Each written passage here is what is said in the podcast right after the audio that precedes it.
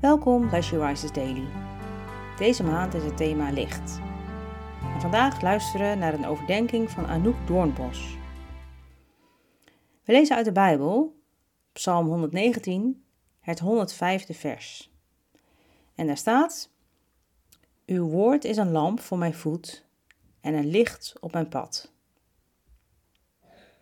Psalm 119 is de langste psalm uit de Bijbel en laat heel mooi de rijkdom zien van Gods woord. Want vers 105 is misschien wel een van de bekendste versen uit deze psalm. Licht op je levensweg hebben. Dat is geweldig. Even verderop in vers 130 staat: Door te luisteren naar uw woord komt er licht en duidelijkheid in mijn leven.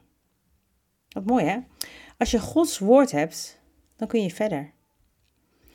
We kunnen alleen zijn licht herkennen als we Hem blijven volgen.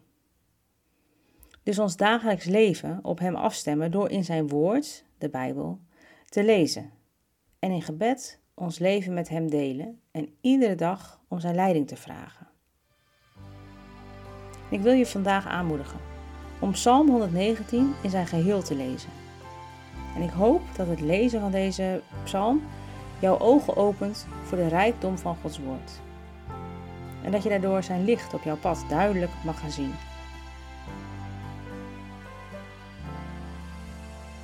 Laten we bidden. Dank u wel, liefdevolle Vader, voor uw woorden die we kunnen lezen in de Bijbel.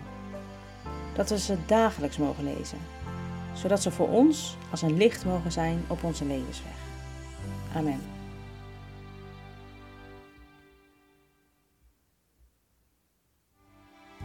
Je luisterde naar een podcast van She Rises.